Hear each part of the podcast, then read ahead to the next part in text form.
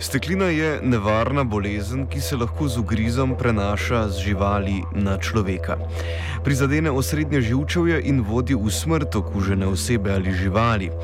V raziskavi, objavljeni v Zoonosis and Public Health, so primerjali uspešnost vzorčenja za določene stekline iz ustne votline netopirjev z vzorčenjem njihovih iztrebkov.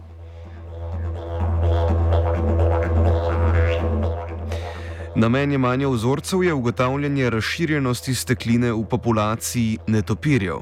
V praksi se vzorči iz ustne votline netopirjev, kar je drago, zamudno, nevarno za tiste, ki vzorčijo, in pa zelo stresno za netopirje.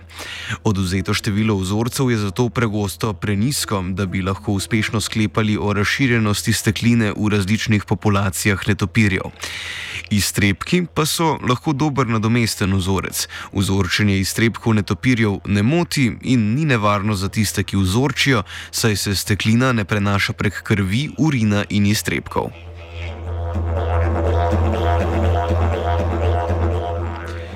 Raziskovalna skupina je primerjala vzorce pridobljene iz ustne votline in iz iztrebkov trupel netopirjev pozitivnih na evropski netopirski Lisa virus 1.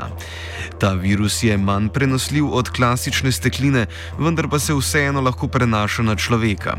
Treba je omeniti, da v Sloveniji steklina ni več prisotna, skupina je vzorčila tudi tkivo možganov, žlez slinavk, jezika in črevesa, da bi ugotovila, odkot pride virus v iztrebke, saj se v telesu prenaša po živčevju in ne po prebavnem traktu. Virusno RNK so našli v skoraj vseh iztrebkih, kar je primerljivo z detekcijo virusa v ustni votlini, vendar pa so ugotovili, da se v iztrebkih nahaja manj virusa kot v ustni votlini. V iztrebkih tudi niso odkrili prenosljive oblike virusa, ker se ga ni dalo izolirati in dokazati njegove nalezljivosti. Raziskovalci in raziskovalke predvidevajo, da je virus stekline v iztrebke prišel iz sline, ki so jo netopiri pogotnili.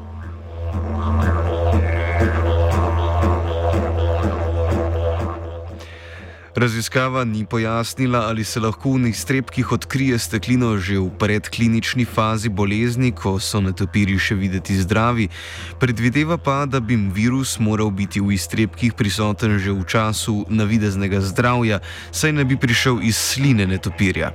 Še vedno pa ostaja odprto vprašanje, kako dolgo po iztrebljanju se lahko najde virus v iztrebkih in kako povezati število vzorčenih iztrebkov s številom netopirjem na nekem kraju.